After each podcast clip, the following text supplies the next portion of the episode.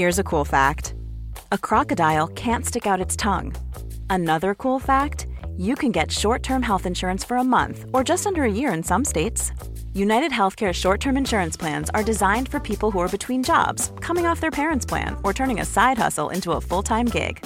Underwritten by Golden Rule Insurance Company, they offer flexible, budget friendly coverage with access to a nationwide network of doctors and hospitals. Get more cool facts about United Healthcare short term plans at uh1.com. Hey, it's Danny Pellegrino from Everything Iconic. Ready to upgrade your style game without blowing your budget? Check out Quince. They've got all the good stuff shirts and polos, activewear, and fine leather goods, all at 50 to 80% less than other high end brands. And the best part? They're all about safe, ethical, and responsible manufacturing. Get that luxury vibe without the luxury price tag. Hit up quince.com slash upgrade for free shipping and 365 day returns on your next order. That's quince.com slash upgrade. Burrow is a furniture company known for timeless design and thoughtful construction and free shipping. And that extends to their outdoor collection. Their outdoor furniture is built to withstand the elements, featuring rust-proof stainless steel hardware, weather-ready teak, and quick-dry foam cushions. For Memorial Day, get 15% off your Burrow purchase at burrow.com slash ACAST and up to 25% off outdoor. That's up to 25% off outdoor furniture at burrow.com slash ACAST. That's the sound of another sale on Shopify in store. Shopify POS is everything you need to sell in person. From payments to inventory, Shopify unites your sales into one commerce platform.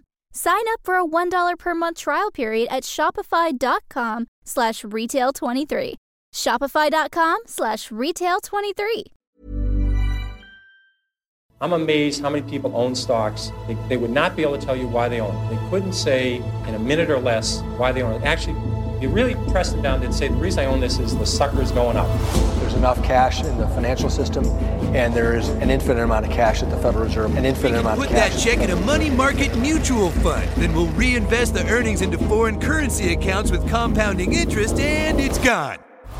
So they had to do something. All they had left was just to print money and start buying things. And that's what they did.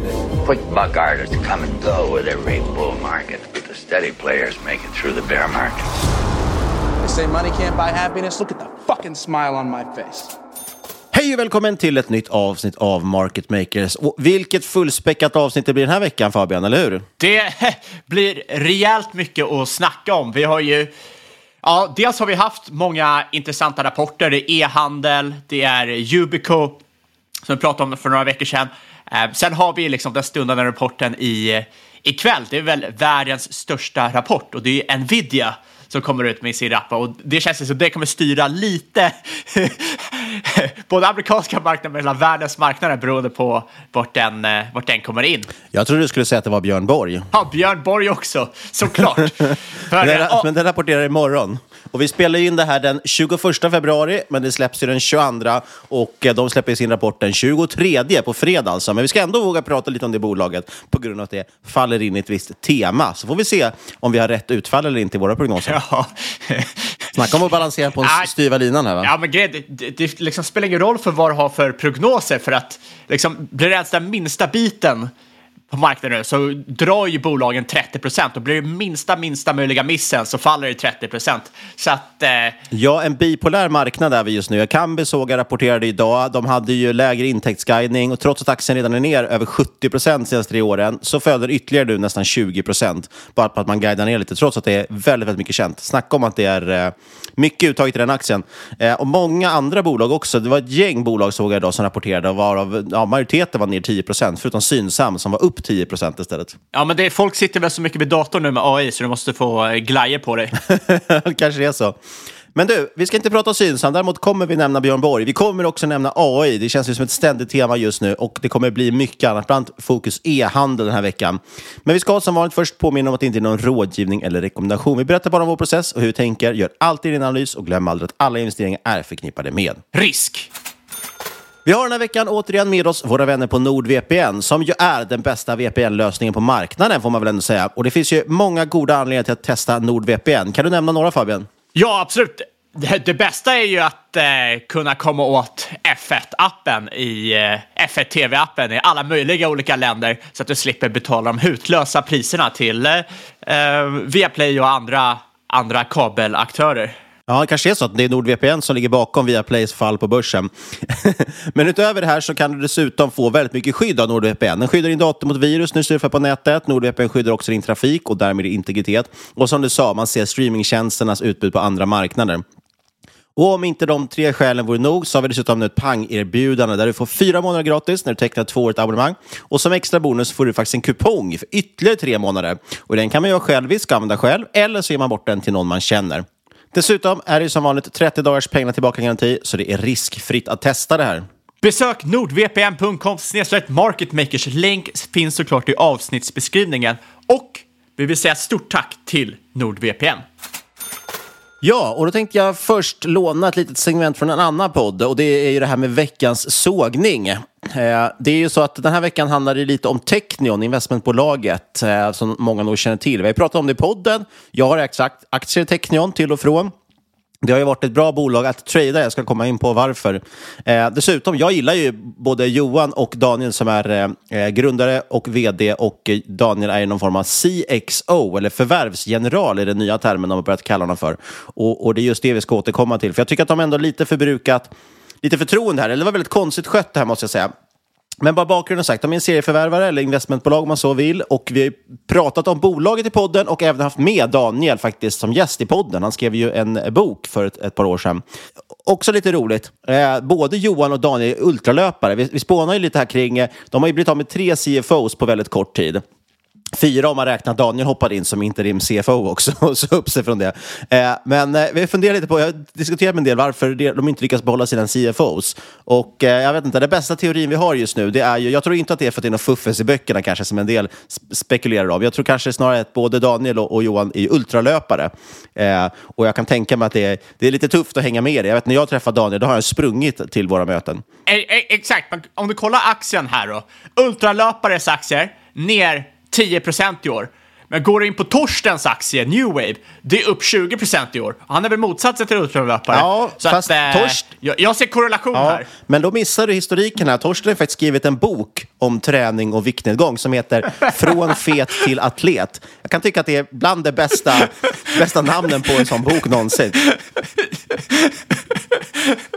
ja, när du sa det så beställde jag direkt. Men det, det, det var ett tag sedan, va? Det var 10-15 ja, år sedan. Det, här, det är, lite, det är lite, lite under bältet kan jag tycka att börja prata om folks vikt och sådär. Men, men det är ändå spännande. Torsten har ju faktiskt gjort en resa från väldigt, väldigt överviktig till väldigt vältränad.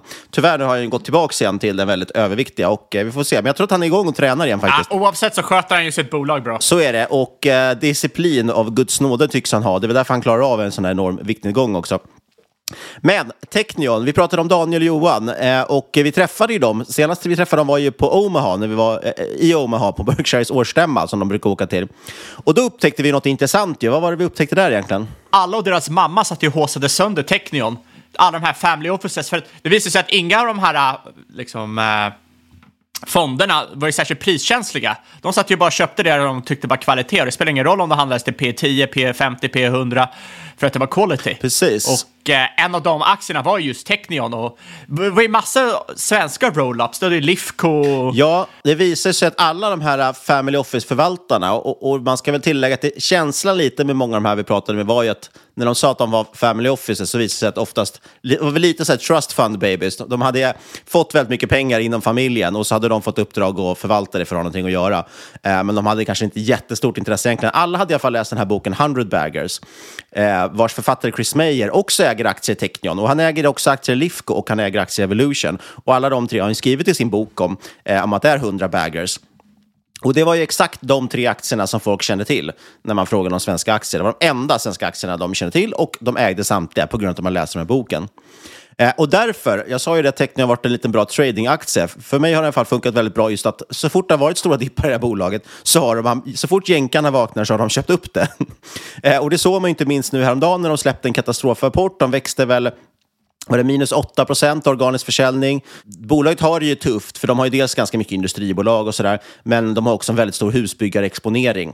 Eh, så de har lite tufft generellt långsiktigt. Jag gillar ju bolagen de äger, men värderingen på, det här, på just Technions aktie är ju helt sanslös. P 35 för liksom ett investmentbolag, det är ju inte rimligt. Ja, men det, det är skitbra arbitrageläge här, eh, för att i Technion kan du ju köpa ett bolag eh, för P30-35 som rullar upp P5-10-bolag.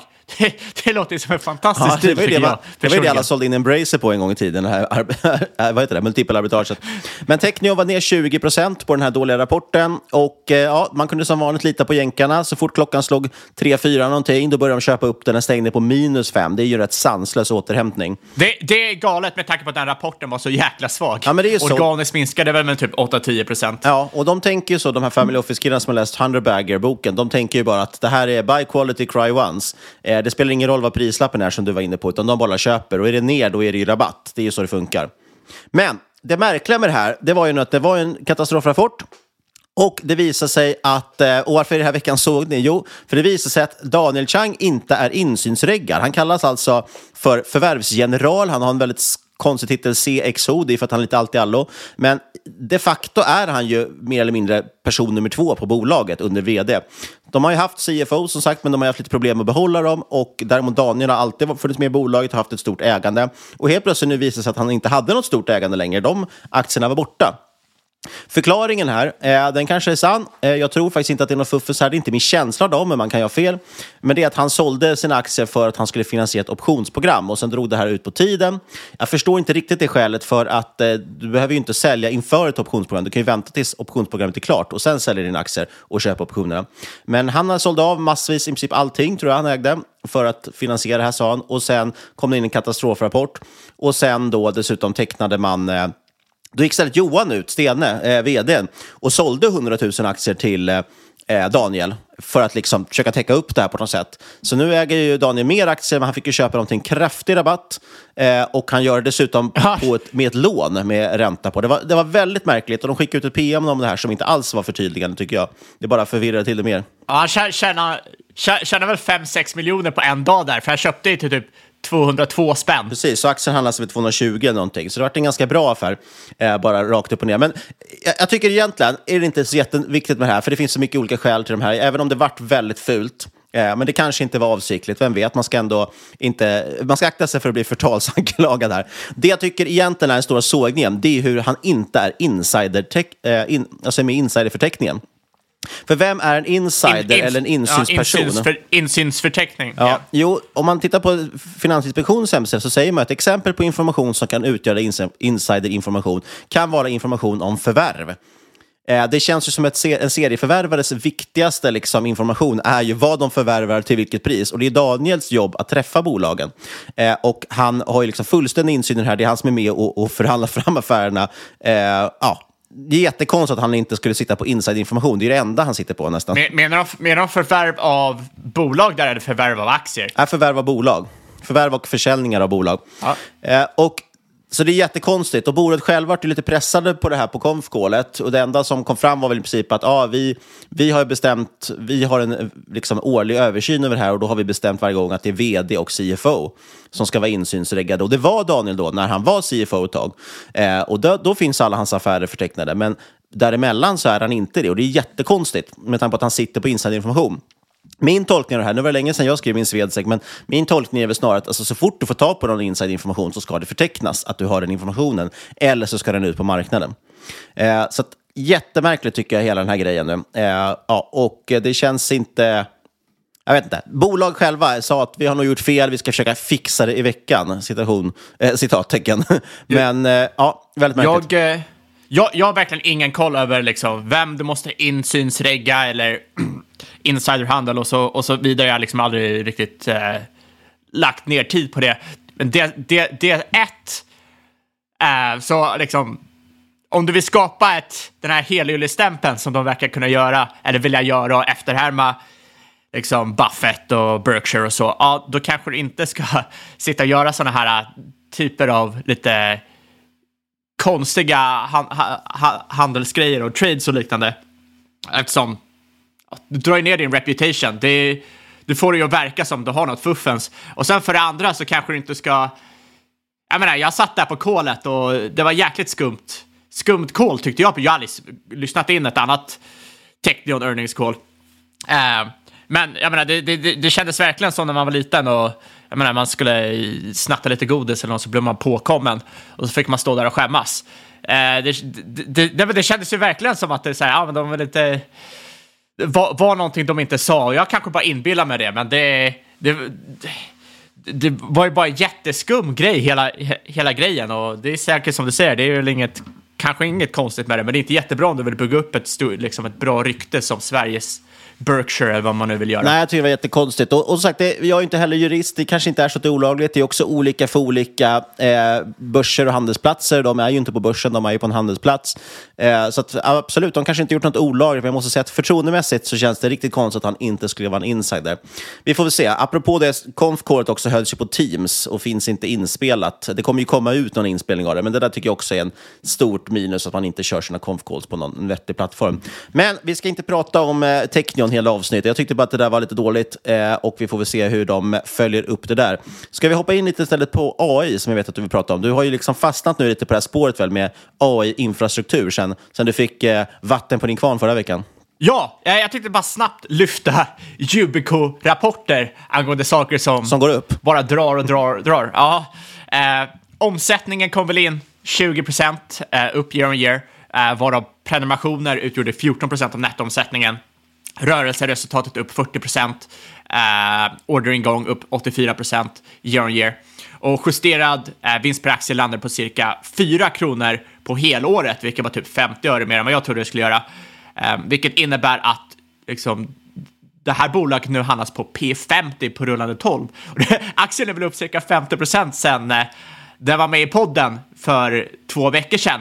Och eh, tillväxten för omsättningen kom in typ exakt där jag trodde. Um, det är bara att marknaden vill att det ska vara dyrare.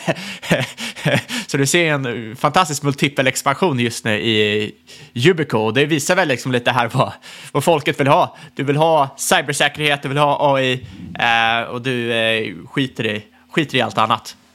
Men ja, exakt. Nu när vi har avhandlat det där, ja, jag vill eh, fortsätta prata lite om AI. Eh, the trend is your friend, som man säger. Och eh, utvecklingen går i enastående takt just nu. Eh, för du såg väl den här Sora stora modellen som OpenAI kom ut med förra veckan. Precis, deras nya text till video. Så att du kan alltså, precis som tidigare har man ju kunnat använda DALI hos OpenAI för att skriva in en text och så får man ut en bild. Nu kan man alltså skriva in en text och så får man en video och den var rätt otrolig. Man, man kan ju jämföra den här, om man vill se hur snabbt utvecklingen gått så kan man ju googla på, eller youtuba, på Will Smith eating spaghetti. Då såg man ju hur liksom, AI-video såg ut för ett år sedan. Eh, det var inte mycket som var rätt där och nu tittar man då, googlar man sen istället på Sora så ser man ju hur otroligt snabbt den utvecklingen gått. Det är ju eh, ja, fantastiska resultat. Det ser ju liksom helt verkligt ut, mycket av det. Ja, det, det är faktiskt helt, helt galet och du kan generera upp till 60 sekunders video eh, från en prompt eller ja, från, en, från en text. Sen är ju frågan, många snackar ju om att det här kommer få, nu har animatörer inget jobb i framtiden. Så någon, om det var Dreamworks vd, eller det var någon på Dreamworks som pratade om att 90 procent tror han sa av alla animatörer kommer bli av med jobbet nu. Och jag vet inte, jag tror ändå man ska lugna sig lite. Även om det går fort framåt så är det ganska stor skillnad från att skriva en prompt till att faktiskt animera någonting med eh, någon form av känsla och karaktär liksom, och få det att hålla ihop i en två timmars film. Eh, så jag tror ändå att det är ganska mycket kvar, även om jag tycker att det är väldigt imponerande. Jag tycker generellt mycket med AI faktiskt, så är det ofta, just när det gäller bilder och film och så, så tycker jag att det mest oroväckande, det är väl snarare vad det här gör för liksom det här som kallas för fake news, alltså med att man nu kan liksom hitta på grejer. Man kan eh, syntesera röster av kända politiker till exempel, klipp, göra filmer med dem kommer man kunna syntesera ihop nu också, eh, och då ja, sprida saker som inte är sanna helt enkelt. Ja, absolut. Det är ett jättestort problem och jag menar, det var ju redan ett problem för liksom tio år sedan att du kunde liksom klippa ihop saker i Paint och så gick ju folk på det. Eh, och så tar du den liksom, eh, källkritiken och applicerar den på i stort sett videos som ser extremt verklighetstrogna ut. Du ser ju i stort sett redan det på Twitter nu, att var och varannan film eller videoklipp eller citat eh, eller bild, då kommenterar ju alla, ah, är det här AI eller är det på riktigt? Så det börjar ju leta sig in lite där i i mainstreamen. Men det innebär ju inte heller att det är bara fake news som är problemet, utan det kan ju också vara real news som folk liksom får vatten på kvarn och anklagar för fake news. Så det kommer ju vara otroligt svårt att hålla, hålla isär vad som är på riktigt och vad som inte är det, speciellt för gemene man. Eh, men som du säger angående animatörer, ja, men folk tar ju alltid ut svängarna äh, för långt. Alltså det, det är en pendel här och det kommer ju slå först mot ja, allting är möjligt och sen kommer liksom visa sig ah, vi kanske inte riktigt kommit så långt som vi tror. Då kommer det svänga åt all, andra hållet och folk kommer hoppa på tåget att AI är helt värdelöst och det inte går att göra någonting med det. Så kommer det svänga fram och tillbaka och sådär. Och det är väl där man kommer få de stora möjligheterna som, eh, som tradör. Eh, men det var ju otroligt mycket som hände. Eh, sen också, när det kommer till animatörer, innan vi hoppar vidare till nästa grej. Många säger, har jag också sett, sitta och pitcha, ah, men nästa steg är att du kommer kunna liksom, skriva in, det här är döden för liksom, Netflix och YouTube och så, för att du kunna, kommer kunna skriva in liksom, exakt vad du vill ha för film och då kommer du kunna autogenerera liksom, den filmen du vill ha.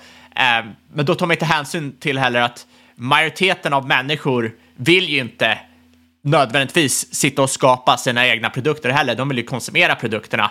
Eh, det är ju bara att sitta och kolla på skillnaden mellan konsumenter och producenter på till exempel TikTok och YouTube och det är väl en 10 till 1 och det är inte så jättesvårt att sitta och producera på de plattformarna. Så att eh, bara för att AI utvecklas tror inte jag att liksom, det betyder att hela de här eh, industrierna kommer dö ut. Eh, men möjligtvis kommer det ju förändras. Ja, det släpptes jättemycket nyheter som gått liksom lite under radarn nu efter Sora kom ut. Eh, Google släppte sin Gemini 1.5. Vad, vad hette bolaget sa du? Google. Google, okej. Alphabet. Google, Google, Alphabet. Eh, jag vet inte. De släppte eh, Gemini 1.5 med en en miljon token context window. Vilket i stort sett, det, det innebär i stort sett att det är en jätte, jättestor prompt du kan skriva in här och eh, massa text. Liksom, du kan processera mycket mer data än konkurrenterna. Eh, det är 700 000 ord, eller en timme bio, eller 11 timmar audio per liksom, förfrågning, per gång du skickar. Jag såg någon som eh, smällde in en hel liksom, eh, liksom facklitterär eh, bok om biologi som liksom från universitetet och så satt den och ställde frågor och så fick den liksom 100% korrekt på alla frågorna för han har läst in hela den här eh, biologiboken. Ehm, och det är väl typ 7 till 8 gånger kapacitet som ChatGPT 4 Turbo. Eh, så det är otroligt, otroligt imponerande och eh, visar ju såklart framstegen här. Och sen Visar också desperationen Google har. Ja, Google, eh, både Google och Apple och liknande. de Försöker komma på, vad kan vi komma på som är bättre? Ja, vi ökar promptstorleken. Ja, men det, det är ju inte nödvändigtvis eh, negativt det heller, men de, de har ju problem här för att de har ju inte legat längst fram när de borde egentligen göra det med tanke på deras eh, uppköp av eh, eh, DeepMind, är det väl det hette, för typ tio år sedan. Eh, så de har alltid varit längst fram med AI och så kommer liksom OpenAI och liknande aktörer och springer om dem och snor Ja. spotlighten. Ja, det är Google satsade lite problematiskt. för mycket på schack och go, tror jag. Eller go. Ja, det, det var väl kanske inte där som eh, liksom det, vad, vad är det man säger, säger, the killer app för AI fanns. Um, ehm, och då, då, då missar de ju mycket in i LLM. Kan de komma ikapp? Ja, antagligen. Men eh, sen har de ju också problemet med kannibalisering där. Hela, deras- alla deras pengar kommer ju från sök. Liksom om, om folk inte längre vill klicka på länkar utan du vill använda en LLM för att få dina svar. Det finns ju en jättebra app i, eh, för iPhone som heter Perplexity. Man ställer en fråga, den matar dig svaren. Det är väl liksom lite som ChatGPT på det sättet. Ja, det här är intressant. Jag har ju äntligen fått tillgång till att testa lite Copilot, alltså Microsofts eh, ompaketering av ChatGPT. Den innehåller faktiskt annonser. Eh, alltså det går ju att trycka in dem där också, men de känns ju otroligt irrelevanta och i vägen framförallt. Exakt, så det, det är ju svårt med den typen av monetarisering där du kan balansera ditt gamla sätt, men du har inte riktigt kommit fram till hur du ska monetarisera det här liksom, potentiella liksom, nya vägen framåt, vilket eh, eventuellt är till exempel ChatGPT istället för sök. Eh, men du nämnde Microsoft där, såg att de pumpade in 3,5 miljarder dollar i Tyskland för att dubbla bolagets AI-infrastruktur och molntjänster där. Eh, och sen, ah, det var ju liksom, det var i stort sett liksom nyheter från alla bolag förra veckan. Meta, Twitter, Slack. Um, vill inte ta upp alla nu, men värt att spana in. Ehm, och det är intressant nu liksom att man ser så mycket nyheter kring liksom, ekosystemet och bygga upp AI-ekosystemet. För vi började prata om det här förra veckan. Eh, och jag tänkte fortsätta lite på det, på det här spåret. Eh, och för er som inte lyssnade kan jag väl snabbt summera det som att allt fokus i den här nuvarande fasen, i stort sett sen ChatGPT kom ut, har ju legat på eh, GPUer och beräkningskraft i datacentret. Eh, därför har man ju sett marknaden handla upp Nvidia och andra chipbolag så pass aggressivt som de har gjort. Men förr eller senare kommer man se flaskhalsar uppstå. Man har väl sett, börjat se det redan. Men det kommer bli ännu värre ju längre man liksom låter det här fortsätta. Eh, och det är för att man inte lagt mycket, lika mycket capex på att expandera övrig infrastruktur i datacentret. Och eh, jag tycker väl att det här är en väldigt, ett liksom väldigt intressant sätt att potentiellt exponera sig mot AI-cykeln. Ehm, eftersom man tidigare liksom främst tänkt på just de här eh, chipbolagen som Nvidia och kanske andra Mag 7-bolag. Och det är ju inte så att det vattnas i munnen direkt för mig att köpa de bolagen. Jag menar, kolla, kolla Nvidia nu liksom. Och Nvidia rapporterar som sagt ikväll, den 21 februari. Det är extremt höga förväntningar inför den här rapporten. Som vi pratade om förra veckan, ja, kommer de in enligt förväntningar så ser det ju billigt ut. Då handlas det ju på typ en multipel eh, på P20 eller något sånt. P30 kanske det eh, men förväntningarna är väl att de ska växa omsättningen 240 procent year on year och vinst per aktie, vad är det, 400-500 procent, något sånt det är otroligt höga förväntningar. Och eh, här tror jag verkligen att antingen kommer de slå eller så kommer de missa och då är det upp 30 eller minus 30. Eh, vi får se. Eh, mark marknaden verkar ju vara lite skakig inför den här rapporten.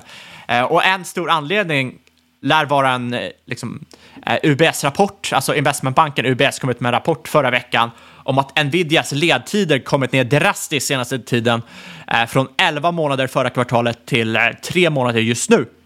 Och det här betyder egentligen att supply demand har börjat normaliseras.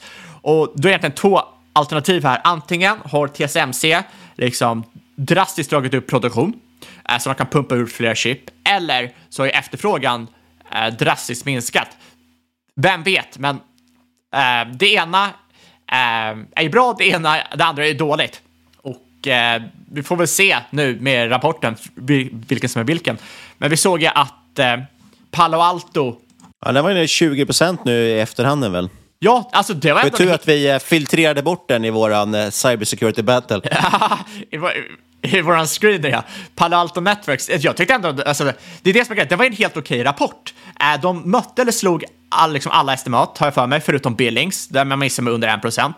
De sänkte eh, omsättningsguidance med typ 2,4 procent. Och där liksom slaktades aktien med 25 procent i förhandeln. Det är så en extremt liksom, volatilitet i de här bolagen nu eh, med de här höga förväntningarna. Jag menar, även om rapporten kommer in bra eh, så är ju Nvidias herre på täppan-status ändå lite hotad. Då har de stora, som sagt, förra, som vi sa förra veckan, de stora techbolagen vill konkurrera.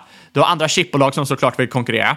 Eh, Sam Altman vill resa 7 biljoner dollar för att starta liksom sitt egna bolag. Det är pengar det med. det, det, det, är helt galet mycket pengar. Eh, och vi menar ju såklart inte billion, utan det är trillion. Eh, vi får ofta mejl om det där och vi har översatt det fel, men nej, vi menar faktiskt 7 biljoner dollar. Och vi har även sett eh, Softbanks Masayoshi-son, han har fått vind under segern igen nu när armen gått upp och han vill bygga ett eh, liksom 100 miljarder dollars AI-bolag för att konkurrera med Nvidia. Um, såg även liksom, um, i Twitterflödet ett bolag som heter Grok, startad av Jonathan Ross som skapade Googles första uh, Tensor Processing Unit. Nu har han skapat Language Processing Unit, eller LPU. Och det här är designat för att lösa två stycken ehm, um, LLM-flaskhalsar, Compute Density, alltså beräkningsdensitet, och Memory Bandwidth, alltså, alltså bandbredd. Och LPU har högre beräkningskapacitet än GPU och CPU när det kommer till LLMs, vilket drastiskt ökar hur snabb modellen är. Um, jag, menar, jag, jag testade det här lite och eh, ni vet när man kör ChatGPT, även den man betalar för, eh, så får du ju sitta och vänta och den här liksom, svaret, det kommer liksom eh, mening för mening och så uppdateras och så har du riktigt uh, långt svar så kan du sitta och vänta där liksom någon minut. Men det här är ju realtid du får svaret från Grok. Um, och det innebär ju att du kan ju sitta och kommunicera med en LLM i realtid, vilket är rätt stort såklart om du sitter och kanske pratar med den istället för att skriva in och sen vänta på svaret. Uh, så det är väldigt intressant utveckling. Såklart är ju Nvidia inte bara hårdvara. De har ju såklart sin mjukvarudel i CUDA som är ett programmeringslager som liksom endast fungerar med Nvidias GPU och det är ett väldigt stort ekosystem, flera miljoner utvecklare som använder. Eh, så vallgraven är bredare än bara hårdvaran. Men jag menar, slängs tillräckligt mycket pengar på det här problemet så kan såklart status quo rubbas.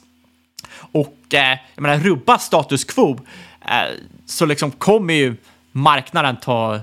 Det kommer ju påverka marknaden och som är så otroligt håsad. Eh, såg jag Nvidia lämna in 13F, alltså där de redovisade sina amerikanska innehav förra veckan. Um, eller om de lämnades väl in tidigare antar jag, men jag läste det förra veckan eh, och marknaden reagerade på det förra veckan. Och där satt de bland annat på innehav ARM, Recursion Pharma, Soundhound AI, AI Too Simple, Nona X Imaging.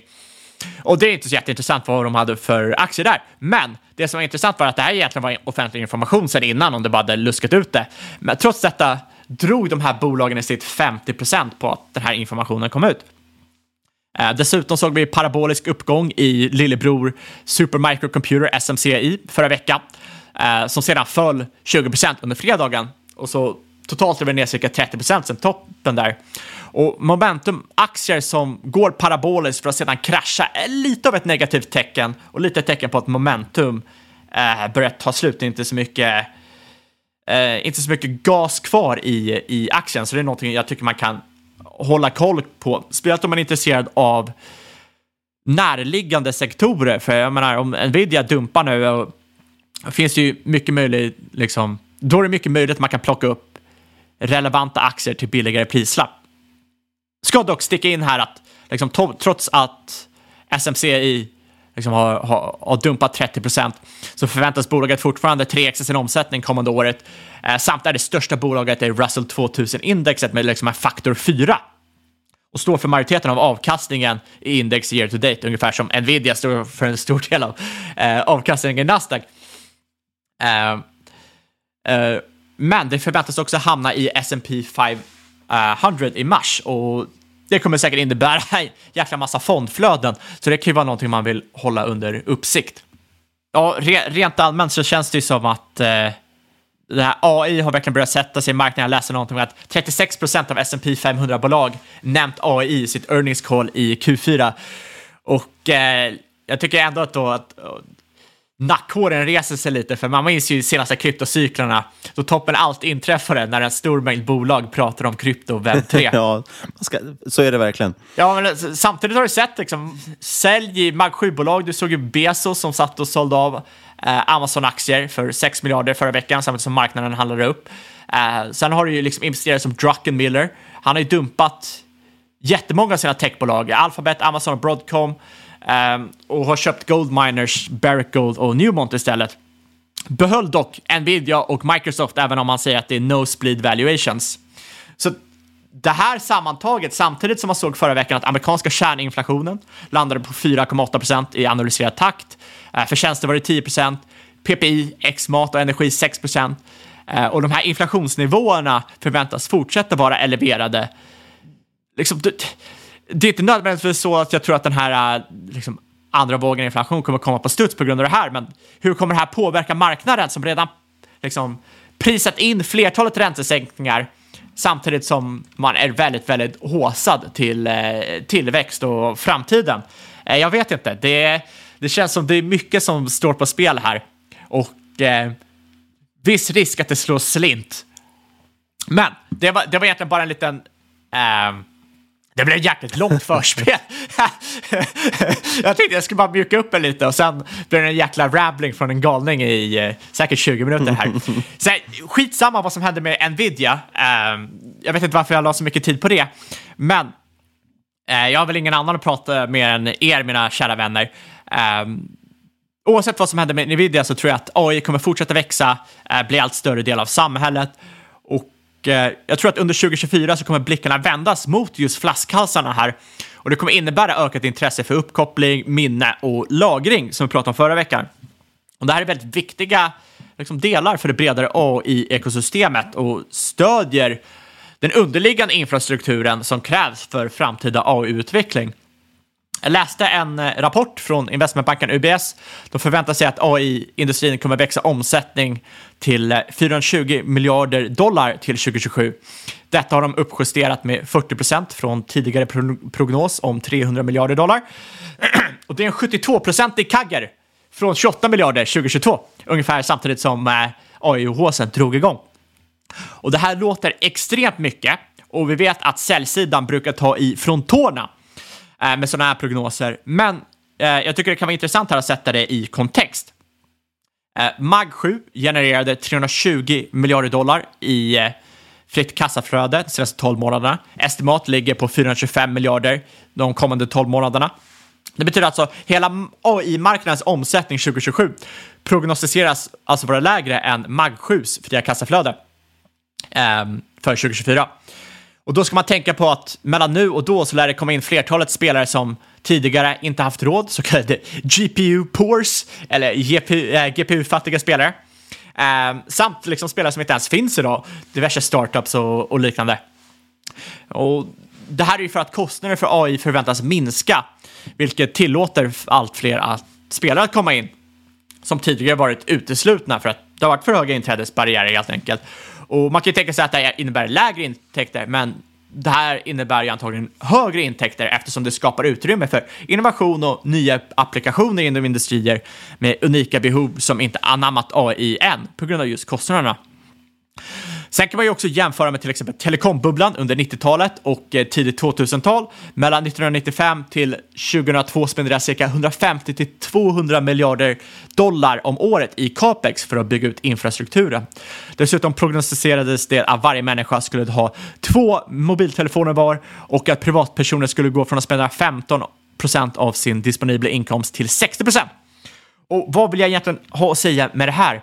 Ja, även om det är optimistiska siffror vi ser just nu så kan det bli bra mycket mer optimistiskt innan det börjar bli fullkomligt orimligt, vilket tenderar att hända under just en, eh, en bubbla. Och eh, som sagt, jag tror liksom inte all investering här kommer gå in till beräkningskraft. Det är networking, minne och lagring som gäller och det är komplementindustrier som kommer behöva växa sida vid sida om om AI faktiskt är här för att stanna, det vill säga det kanske bara är en bubbla och kommer gå bort i barn. Jag tror inte det. Jag tror att det är som internet eh, kommer växa sig allt större. Men eh, det som är intressant här med just de här komplementindustrierna är att det är cykliska industrier eh, och många har gått igenom en lagerkorrigering eh, medan AI-efterfrågan fortsatt varit stark. Och det här innebär ju att många av de här bolagen är lite i en sweet spot. De har relativt enkla komps eh, komps. Eh, relativt enkla komps samtidigt som det är relativt billiga på framtida vinster. Och eh, ett segment här som vi pratade om förra veckan är till exempel connectivity eh, som behöver upprustas för att AI kräver stora mängder data som överförs snabbt och effektivt. Och jag läste att bolaget Coherent Optics, COHR ticker, förväntar sig att 800G-transceivrar rampar upp snabbt i H2 2024 och att 800G och högre datareceiver kommer att utgöra 65 procent av marknaden 2028. Och ni inte vet vad 800G transceiver är, så lyssna på förra avsnittet då vi snabbt går igenom det. Eh, som referens, idag står 200G för cirka 65 procent av deras omsättning, så det är en liksom hög eh, upprustning här, eller en snabb upprustning som kommer ske och behöver ske. Connectivity-bolaget Marvel, som specialiserar sig på optiska komponenter också, menar att trots nuvarande svaghet i andra segment så ser man fortfarande massiv efterfrågan inom sitt AI-segment. Och förutom till exempel connectivity så har du ju eh, minnesbolag eh, för att köra AI-modeller krävs ju högre minneskapacitet, det krävs högre bandbredd för att du ska maxa beräkningar. Och då är ju vissa uh, DRAM-spelare intressanta. Uh, eller DRAM, hur säger man Niklas? DRAM kanske. Men vi säger på engelska, det låter coolare. Ja, då är det nog DRAM. DRAM! Uh, jag såg några siffror i alla fall på uh, DRAM-priser och det förväntas repa sig under 2024 förväntas stiga 13 till 18 procent sekventiellt bara under Q1. Och de har ju haft riktigt, relativt tråkiga år eh, under 2023, förlustår. Och eh, Ja, det innebär ju liksom att eh, det, det, känns verkligen som 2024 börjar, det är nu det börjar hända. Cisco har pekat på att de troligtvis är nära en botten och de är väldigt liksom långt nedströms. Och det innebär att bolag som är längre uppströms i försörjningskedjan troligtvis redan har bottnat. Eh, Meta håller med om att, eller håller med mig här om att eh, liksom, de har fallit efter i att skala upp i komponenter jämfört med hur mycket de har skalat upp i sina AI-modeller. Jag tycker några intressanta spelare här, eh, utan att gå in för djupt eller göra listan oändligt lång, är bland annat Connectivity och Optic-bolagen vi pratade om förra veckan, Eh, Sena eh, och Coherent Optics, eh, ticker eh, CIEN och COHR, R, som vi pratade om förra veckan. Ehm, istället för att jag drar trickers ska vi bara lista det i avsnittsbeskrivningen kommer jag på. Marvel Technology, som också är väldigt exponerade mot connectivity. Micron, eh, som är exponerade mot minne, framförallt High Bandwidth Memory DRAM. Och sen har vi Rambus som är exponerade mot chip-to-chip interface med fokus på High Bandwidth Memory interfaces. Ehm, det som är intressant här är att alla dessa bolag ser rätt dyra ut, eller går till och med med förlust. Och det är för att de här bolagen är cykliska och det innebär att man måste normalisera vinsterna för att få rättvisande multipel och se potentialen. Normaliserar du vinstmarginaler på senaste 12 månaderna så handlas de här bolagen mellan P 2050. Men det här är ju över liksom en hel cykel. Eh, kollar du på peakmarginaler så handlas de mellan P 10 till 20 just nu. Men det här tar inte liksom hänsyn till ökad efterfrågan eh, på grund av AI och eh, liksom andra sektorer. Så tar man hänsyn till det här så handlas de här bolagen på potentiell peak earnings på ensiffriga P tal Sienna och Micron runt 5. 6 ungefär. Uh, och det gör ju liksom att pekar liksom lite här på uh, finns, finns rätt intressant opportunity i de här omkringliggande uh, områdena. Man måste, dock, man måste dock klara av att räkna lite. Det, det, det, så, såklart, det, man måste räkna lite, man måste ha liksom lite framtidshopp. Det kan ju också vara så att hela den här tesen faller sönder om vi ser grockchip och liknande eh, överallt kommande åren som är sjukt specialiserade som löser mycket av de här bandbreddsproblemen. Um, ehm, sen också, en, bara en kort instickare, eh, såg här att eh, um, Jensen Huang Um, han har kallat bolag som sitter på stora industrispecifika dataset en, en goldmine. Och uh, det gör ju att bolag med djupa vertikaler och unika dataset kan vara otroligt intressant att kolla på just nu. Uh, det har ju skett ett antal uh, uppköp senaste åren. Eh, så har du tips på bolag med så väldigt specifika, unika dataset eller kanske till och med eh, intressanta svenska bolag så mejla gärna för jag har lust att kika på dem. Ja, vad, vad, menar han då? Han menar att bolag som, som har sparat väldigt mycket data som man skulle kunna använda och träna modeller på, de kommer få ett stort försprång på grund av AI. Är det det du säger? Ja, eller är det det han säger? Det, det han menar är liksom att, eh, ja, vilka är det som vinner AI-racet just nu när det kommer till modeller? Ja, det är de här big data-jättarna, Microsoft och liknande. Men det finns ju viss data de inte har access till. Ja, precis. Industrispecifikt. Så låt säga att... Eh... Sjukjournaler till exempel. Ja, och det, det är därför till exempel Sverige har ju alltid legat väldigt långt fram när det gäller eh, sjukvård, eller alltså forskning kring medicin och sjukvård. Och många utländska aktörer också använder svensk data, för vi har ju dels vårt, hela vår folkbokföring med personnummer och så vidare och vi har jättemycket data. Vi har lyckats lagra all data. Även om man, man får mycket skit i Sverige för att inte regionerna pratar med varandra så finns det väldigt mycket data centraliserad som är lätt att forska på. Och det gör det inte i många andra länder.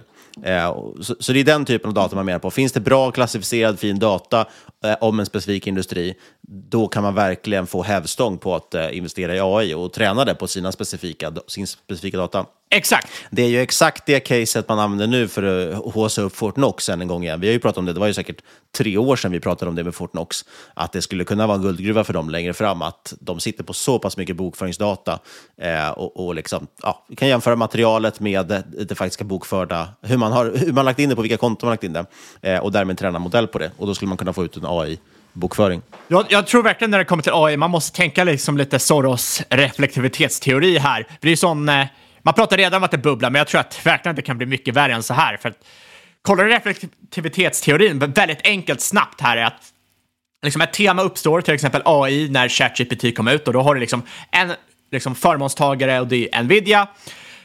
Um, och den drar och liksom den här andra, andra nivåns effekter, liksom vilka som drabbas negativt av det här eller andra bolag som Eh, eh, liksom, liksom gynnas av det här. Det prisas inte in av marknaden än och det här kan ta rätt lång tid. Men över tid så blir marknaden liksom så kallad irrationally exuberant som Robert Schiller skulle sagt, eller irrationellt sprudlande för er som hatar när jag pratar engelska. Och eh, liksom, det, det breder liksom ut en FOMO över en bredare bas aktier som går upp på det här temat. Och det här kan ju liksom ta kvartal, det kan vara över år som för it-bubblan. Och sist men inte minst så kommer liksom den här basen ha brett ut sig och vara fylld med aktier som knappt ens är relaterat till AI eller liksom temat i, i sak. Och liksom, antagligen går de inte ens med vinst och det är liksom ponsis, det är munshots och det här är liksom peak hype. Och det är först här som liksom toppen för sådana här eh, bubblor och br brukar ta slut. Och ja, det, är väl... det är efter det som det brukar vända. Ja, typiskt exempel om vi tar kryptobubblorna som vi pratade om. När till exempel Kodak gick ut och sa att de skulle lansera Kodak Coin. Där någonstans kan man ju säga att bubblan börjar spricka. När bolag som har med helt andra saker att göra börjar eh, skriva om det. Exakt, så jag, jag har så svårt att se att AI-bubblan skulle spricka när det är liksom, ja visst, SMCI har ju liksom 10-bagat på ett år och Nvidia har väl multibagat, men de flesta andra som gynnas har liksom inte dragit lika, liksom, de har inte gynnats lika mycket än. Eh, det, det, känns ju verkligen som att var och varannan tjomme på Twitter måste sitta och pumpa AI-ponsis innan den här bubblan brister. Och det, då, då ser du ju liksom, då kommer du se den här kraschen alla vill ha och du ser en liksom throw of disillusionment som det heter på engelska desillusionsdalen, att alla tror att AI är över, kommer aldrig vara bra. Eh, och liksom, det här är ju, det hände ju efter, efter it-bubblan. Kolla Cisco, eh, Cisco-aktien före för versus efter.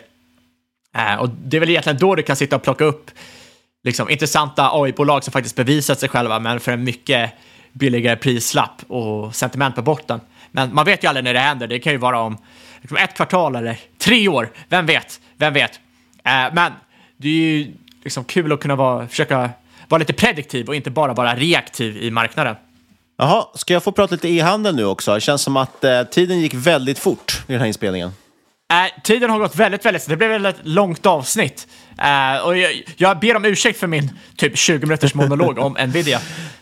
ja, men jag kan göra så. Jag, jag, skulle kunna hoppa ett bolag av de här. Jag hade tänkt prata om en liten e-handelstrio, men det vart snabbt en e-handelskvartett. Men jag kanske ska stryka ett bolag då, bara tisa det, så får vi återkomma till det nästa vecka. Nej, nej, vi kör kvartetten. Det är väl lika bra. Ja, vi har tid. Ja, men jag, jag pratade ju i avsnitt 311 när vi gjorde vår lilla årssummering och blickade framåt så pratade jag om att, hade jag en idé om, som jag kallade för broken retail som jag tyckte var intressant. Och tesen var att många bolag inom liksom, ja, men som är retail-fokuserade, fokuserade mot slut, slutkonsumenter, inte alltså business to business utan business to consumer.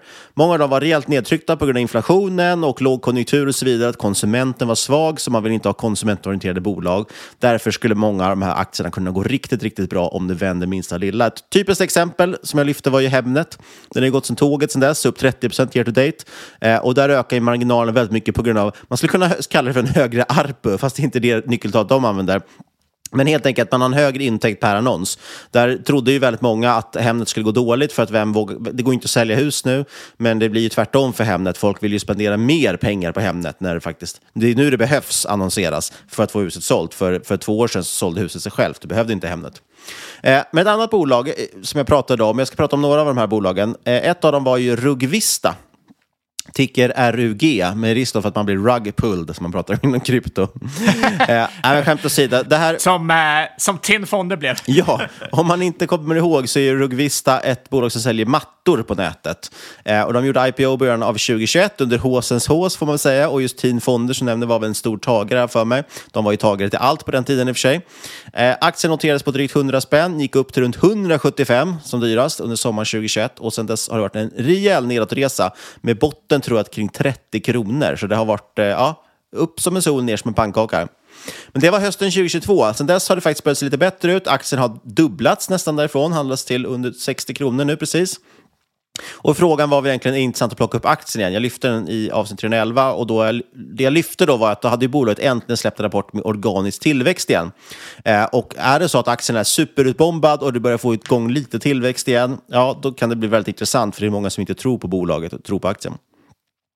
Eh, Q4 kom in nu den 8 februari. Även här visar man på organisk tillväxt på 9% ungefär.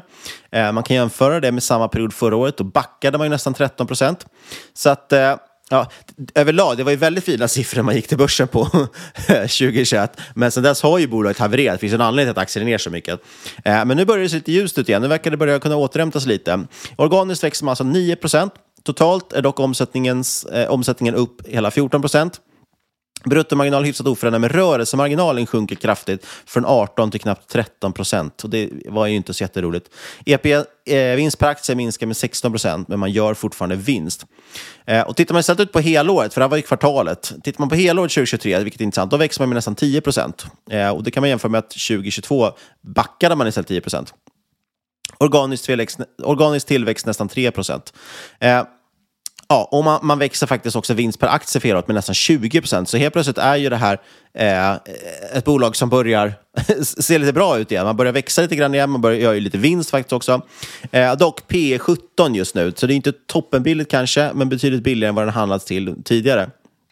Och med den kraftiga tillväxten så blir ju PEG-talet underrätt, så Peter Lynch hade gillat det. Eh, absolut. Sen prisar ju marknaden in ungefär 20 procent tillväxt för det här bolaget, nu strax under. Eh, så man kan ju fråga liksom hur, hur bra deal man får uh, om, man, om, om man handlar den. Nej, men precis. Och det är väl det jag lite landar i, att den har varit utbombad. Den fick inte heller riktigt den här resan som jag hade kunnat tänka, hoppas att det skulle liksom, de här kvartalssiffrorna skulle få lite lyft på det. Och det har väl att göra med att den faktiskt fortfarande är lite för dyr. Uh, ja, frågan är hur mycket man växer framåt. Visst, man prisar in 20 procents tillväxt. Det är inget, inte jättemycket som pekar mot att marginalerna ska bli bättre det är väl, kommer ju vara lite tufft även i år antagligen. Det är inte jättemånga som köper mattor då, även om det är intressant faktiskt att de också har lite B2B och sådär också och, och dessutom tappar man ju rent tillväxtmässigt, nu är det ju vinsten som är mest intressant, men bara tittar man bara på omsättning så bör ju den också, generellt nu ser man att många bolag börjar sänka priser. Men förra året fick man ju 10% gratis bara av inflationen och nu är det ju många som faktiskt börjar backa och sänka sina priser igen. Eh, så det är ju mycket som talar för att själva för omsättningstillväxten i alla fall inte kanske kommer vara så starkt. Motiverat P på sånt här bolag borde väl ligga runt eh, äh, 15-20 givet den här eh, tillväxten de har, håller de inte tillväxten så borde det vara lägre såklart. Ja, jag tycker inte ens 15-20, jag tycker snarare kanske då 10-15. Det är dock ett väldigt stort spann däremellan. Men låt säga att man kanske skulle ha P 12 eller 13 eller någonting för det här. Eh, jag tittar framåt lite grann. Eh, jag säger att marginalerna tänker jag ska bli oförändrade framåt. Skissar på en vinst per aktie på drygt 4 kronor för nästa år och det är P 14 och det är väl ja, rimligt värderat ska säga, så kanske inte riktigt en raket jag hade räknat med. Och den här kursresan också uteblivit, uteblivit sedan årsskiftet. Eh, jag tror helt enkelt att den inte är tillräckligt utbombad. Man har inte tillräckligt låg prislapp på det här. Eh, men kan vara ett intressant case att hålla koll på. Får man igång tillväxten lite rejält, får man upp lite marginaler kan det bli rätt intressant. Värt också notera att fritt kassaflöde ligger just mer än 60 procent högre än vinst per aktie. Och man behöver inte bara växa organiskt, man kan ju växa på andra sätt också. Eh, så det kan ändå vara lite intressant att hålla koll på. Men jag äger inga aktier i dagsläget. Eh, höjde för övrigt utdelningar 20 procent. Direktavkastningen ligger nu på 3 procent. Det tycker jag också är lite styrketecken ändå. Eh, ja, tycker RUG som sagt, handlas på First North. Aktien har ett börsvärde på drygt en miljard eh, och drygt 1300 ägare på Avanza. Så det är inte ett jättestort känt bolag ändå. Och ett annat bolag eh, som har typ exakt samma börsvärde, det är Björn Borg, eh, som jag ju nämnde lite tidigare här i avsnittet. Och Det var också ett bolag jag tog upp i avsnitt 311. Eh, jag tror att de flesta känner till det bolaget väldigt väl. Eh, kalsonger är väl deras största business och det jag sa som var intressant tycker jag Björn Borg just nu var att marginalerna tyckte stärkas. Även fast försäljning och så vidare såg ganska svag ut eh, så ökar marginalerna och det är mycket tack vare deras egen e-handel ökar i andel och det är ju en, en medveten strategi man gör. Här kan man ju jämföra, ta, titta på ett klassiskt liksom, bolag som vad vet jag, Adidas eller någonting. De har ju typ 10% rörelsemarginal medan ett bolag som Revolution Race som är, kör helt på sin egen e-handel ligger på 20 procent. Eh, så det är ju mycket mer attraktivt att ha ett bolag som sysslar med e-handel snarare än att stå och sälja i, i andras butiker. Eh, och, och, det här är lite intressant. Så Björn Borg, tyvärr nu kommer ju de med rapport den, eh, vad sa jag, 23, alltså på fredag, så den här vet vi inte så mycket om än. Men den har gått bra i alla fall, aktien. Nästan 20% upp sen årsskiftet. Eh, och i Q3 växte man ju 5 justerat för valuta endast 1 Men marginalen ökade från 48% till 52% alltså 4 procentenheter bättre. Och det gjorde att resultatet efter skatt ökade hela 44% Man fick en kraftig, kraftig hävstång. Och Då nämnde man just också att det är e-handeln och övriga egna kanaler som växer betydligt starkare än marknaden. Och det här är ju riktigt intressant. Man stänger faktiskt till och med butiker, som jag tolkar det, för att satsa mer på e-handeln. Eh, estimaten för Q4 blir intressantare eftersom rapporten kom på fredag. Enligt Pinpoint är analytikernas estimerade omsättningstillväxt bara 2% för Q4, medan Pinpoint-användaren tror på 5% ökning. Jag lutar mer mot 5% än 2% Jag har till och med skissat på runt 6-7% ökning. Åh helvete, här var det bullish. Ja, jag kanske är lite väl HC. Må många kallingar som ska säljas. Exakt. Eh, analytiker och Pinpoint-användare är dock mer överens kring marginalen. Och här är det ebit-marginal, eller vi skulle kunna säga rörelsemarginal som man estimerar, om man tror att den ska ligga på runt närmare 9 procent. Jag skissar på 8 procent. Eh, tittar man då på helåret 2023, alltså de tre kvartal redan sett och då estimatet för sista kvartalet, så får jag i alla fall ut en vinst per aktie på runt 3 kronor. Och det skulle med dagens kurs på 52 ge P 17. Nästa år kanske P 13, 14. Mm. Tycker det är ganska fair värdering, kanske till och med lite billigt med tanke på vilket kvalitetsbolag det här är där. De är väldigt bevisade. Eh, man har direktavkastning nu på nästan 4 procent. Och eh, ja, det känns som man har lite momentum i affären. Just den här marginalresan kan bli ganska intressant. Så jag äger faktiskt lite aktier här, även om det är lite kortsiktigt. Och som jag, jag kanske inte nämnde det, men Björn Borg känner ju alla till och kan hitta. Men de har i alla fall ticker Borg också. Eh, drygt 6 000 ägare på Avanza faktiskt. Så det är betydligt mer ägt bolag. Och de ligger ju på small cap också, på riktiga börsen. Ja, nej, men det ser, eh, som du ser, ser intresserat ut. Eh, eller intresserat, intressant ut. Motiverat PE borde väl ligga runt 15. Eh, så länge de inte to tokfallerar i sin tillväxt. Liksom, men, eh. Nej, och det man vill se här är att tillväxten är helt okej okay om den är ganska flät eller så. Det är viktigt att de lyfter över den till sina egna kanaler och därmed får upp, omsätt eller förlåt, får upp marginalerna och då ökar vinsten på det sättet. Och det är det som är intressant och det är den här typen av lite så, det behöver inte vara en stor liksom, turnaround som nästa case jag ska prata om, men, men ändå lite, liten växling ändå från det man har gjort, att man gör någonting annorlunda. Samma där som jag hoppas på i Rugvista, att man skulle se att ah, men nu får de igång tillväxten igen, men jag ser inte riktigt att de gör någonting särskilt till som ska driva det, utan det känns mer bara så att man haft lite mer flyt kanske. Jag vet inte. Jag kanske missförstår dem helt. Men Björn Borg känns som att han har en tydlig strategi ändå för att öka vinsten. Och ett bolag som verkligen ska göra turnaround, det är Nelly. Och det här vet jag att eh, Aktiesnack, den podden som vi gillar och har samarbetat med, de eh, har pratat mycket om det här bolaget. Eh, det är väl Peter där som äger aktier och driver det caset. Var, var inte det hans pitch i våran, eh, i våran tävling till och med? Eh, det, nej, han pratar om Chifello i våran tävling. Aj, aj, aj. Ah, ja, okay. Men de gör också turnaround, kan man säga. Och det här är lite samma typ av turnaround, får man säga. Eh, de gör lite, har lite samma strategi faktiskt, det överlappar lite grann. Men Nelly har han pratat om. Eh, jag tycker att han har gjort ett bra dragning där och jag köper det här caset rakt av. Det är väldigt, väldigt intressant. Nelly är ju också en modaktör som nog de flesta känner till väl. Det intressanta är att det här bolaget har gått väldigt eh, dåligt. De har haft mycket problem, liksom, haft svårt att få ihop lönsamhet och så vidare. Eh, men nu har de då satt upp en ny strategi, eh, bland annat tillsammans med Lager 157-grundaren. Nu är inte det i och för sig ett Lager 157, då tänker man ju inte kvalitet och att satsa på, på premiumprodukter. Men Lager 157-grundaren får man ändå säga att gjort ett starkt jobb. Nu kommer jag inte ihåg vad han heter tyvärr. Det skulle jag ju förstås ha skrivit upp. Men han har köpt in sig Nelly och är inne nu och jobbar väldigt aktivt med att försöka göra en stor resa där. Och jag tror att han kan lyckas med det här. Eh, omsättningen är rejält på Nelly och det är det som är intressant nu, att man kan tycka om caset trots att omsättningen är ner. Eh, man tappar nästan 20 procent för hela året här. Men det man gör, det är att man stärker upp sina marginaler, liknande Björn Borg här då. Man rens, och, och, och ska man då koppla det till Cefello, Cefello har ju också sagt att det är ingen idé att vi satsar massa marknadsföringspengar på flyktiga kunder som, ändå, som vi ändå inte tjänar någonting på. Då får vi ingen ROI. Eh, det kan Hello Fresh få hålla på med. Cefello har ju då sagt att vi rensar bort dem, vi ska behålla våra lojala kunder, satsa på dem, och så ska vi tjäna bra med pengar på de kunder vi har. Och det är egentligen samma lite strategi här som Nelly kör. De rensar också kunder. De vill inte längre ha flyktiga kunder. Utan man vill stärka upp marginalerna. Man har levererat tre kvartal i rad med lönsamhet. Och bruttomarginalen har också förbättrats jämfört med föregående år. Den är uppe nu på 50 procent, vilket är 9 procentenheter bättre än tidigare. Det är en enorm förbättring. Eh, rörelsemarginalen är upp nu på 8 procent från att tidigare varit negativ. Och det man gör egentligen, strategin man har, man minskar variansbredden. Ett fint ord för att säga att man ska ha mindre produkter. Man satsar mer på toppsäljarna och så rensar man ut resten, för det är dyrt att ha stora lager. Eh, eller det är dyrt att ha ett stort produktutbud. Man satsar på egna varumärken och de växer också. Eh, bra faktiskt och man har bättre marginal förstås på dem. Man jobbar också med returgraden. Den syns dock inte riktigt i siffrorna för att man tappar en hel del B2B där man haft eh, mindre returer. Eh, men, men generellt så säger man ändå att arbetet med att minska returgraden ökar. Man vill ju förstås inte att folk skickar tillbaka sina produkter för då tjänar man inte pengar på dem. Och det kostar i hantering och så vidare. Eh, man ökar också fullprisförsäljningen, också rimligt. Man vill inte behöva rea ut varor för att bli av med dem. Och man har haft ett stort besparingsprogram som ibland handlar om att minska headcount och det har man gjort och börjar se nu bra effekter av det. Eh, en intressant kommentar tycker jag från senaste rapporten det var att man säger att marknadsklimatet har varit utmanande.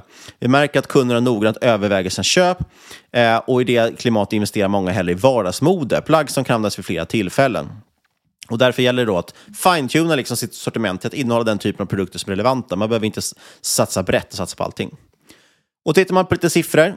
Eh, 66 öre per aktie gjorde man i Q4. Man kan göra en sån här liten enkel räkne, eh, överslagsräkning som jag brukar göra ibland. Man tar det bara gånger fyra. Då skulle man få P6 på dagens kurs. Dagens kurs är 17 kronor.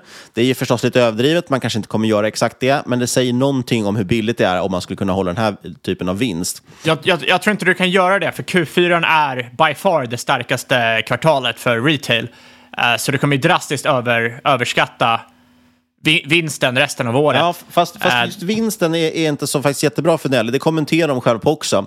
Att det är en period man inte gillar så mycket för att det är Black Friday, det är mellandagsrea, det är väldigt mycket reor under den perioden. Men absolut, det brukar vara det starkaste kvartalet. Och jag säger också att det inte är så man ska räkna på det här caset. Jag bara tar det som ett exempel. Eh, poängen är att man håller på att höja marginalerna. Det jag tycker generellt ändå att det är lite för billigt där för ett väletablerat bolag med ett fint varumärke och som gör en väldigt intressant eh, resa just nu. Så det här äger jag faktiskt också lite aktier i.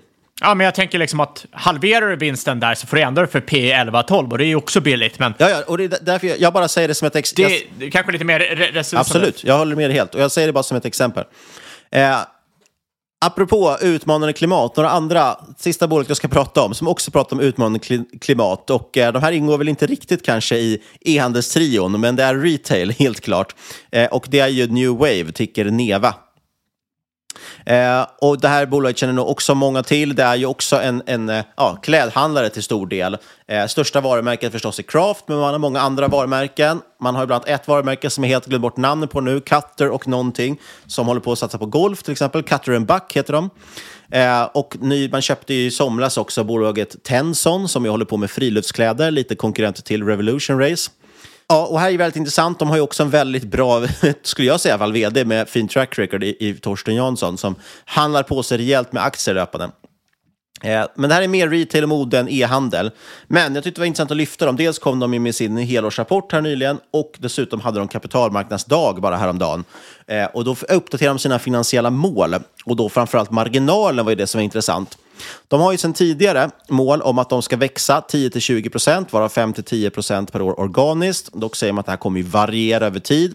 Det är inte så att man kommer slå det här. Det kommer inte gå som en klocka. Just nu till exempel är det ett tufft klimat. Eh, man har även lite soliditetsmål och sådär. Men det mest intressanta är marginalmålet. Marginalmålet har ju legat på en rörelsemarginal på 15 procent. Och man har ju legat över, eller på, på, eller över det målet nu senaste tre helåren. Och, och då är det intressant, då är det många som har frågat sig just, många analytiker och, och andra investerare som undrat, är det en hållbar marginal? Eh, för att ligger man över sitt mål så finns det ju en chans att man kanske ska ner till målet igen då, och då är det ju negativt.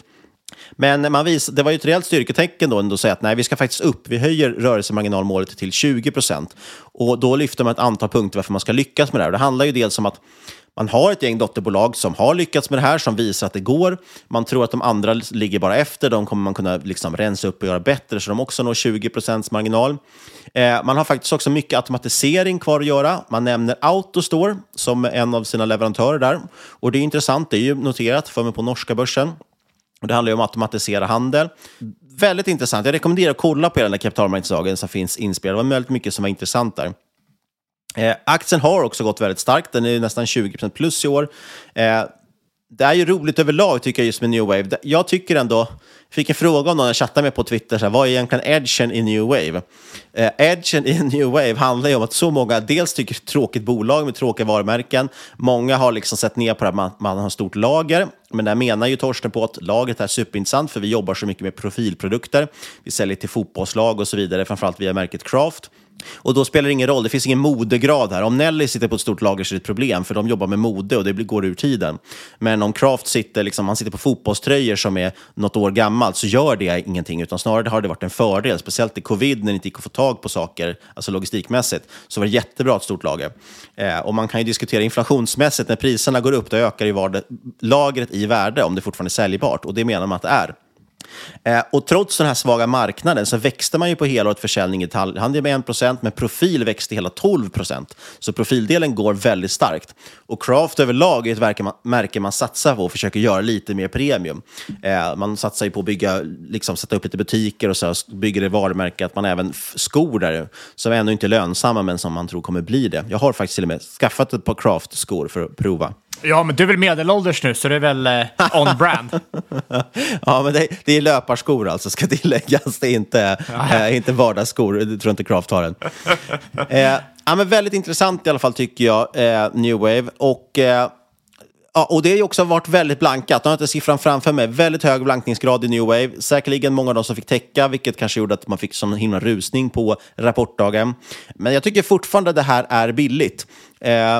P ligger på 14 på rullande 12, men kanske P 10-12 någonting på nästa år. Eh, och jag tycker att det förtjänar högre värdering. Jag tycker att man borde ha åtminstone P 15 någonting på det här. Eh, och därför äger jag lite aktier även i New Wave.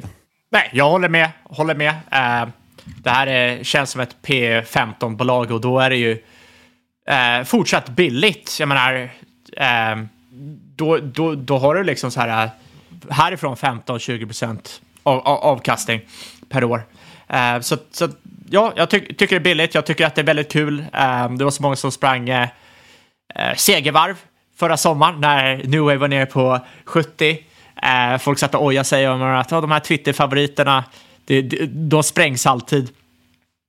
men Torsten, Torsten segrar i slutändan och får ju springa sitt egna segervarv här. Där, där kanske toppar vad heter det, träffa toppen här och så faller det ner till 70 igen. Men eh, det känns ju verkligen som att eh, Tors Torsten vet vad han håller på med och att bygga upp de här lagren framför allt var ju snäppet på genialiskt och är nog bättre sätt att hantera kassan än vad många tror att det är. Ja, och eh, man närmar sig faktiskt också Eh, börjar närma sig en all time high new wave. Det hade varit kul om man kunde ta ut det igen. Det var ungefär ett år sedan eh, man såg all time high. Eh, han får väl skriva en ny bok om det går bra för en aktien. Han hade ju skrivit från fet till, till atlet, men näst, snart kanske han kommer kunna skriva från blankad till topprankad.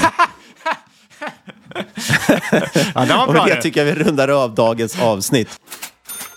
Som vanligt, vi ska väl påminna om att det inte är någon rådgivning eller rekommendation som pågår i podden. Alla åsikter var egna gäst och eventuella sponsorer tar inget ansvar för det som sägs i podden. Tänk på att alla investeringar är förknippade med risk och sker under eget ansvar. Eh, kontakta oss på podcast marketmakers.se eller Twitter at marketmakerspod. Lämna gärna en recension på iTunes. Vi vill också rikta ett eh, stort tack till NordVPN. Länk finns i avsnittsbeskrivningen. Och sist, men absolut inte minst, kära lyssnare, stort tack för att just du har lyssnat. Vi hörs igen om en vecka.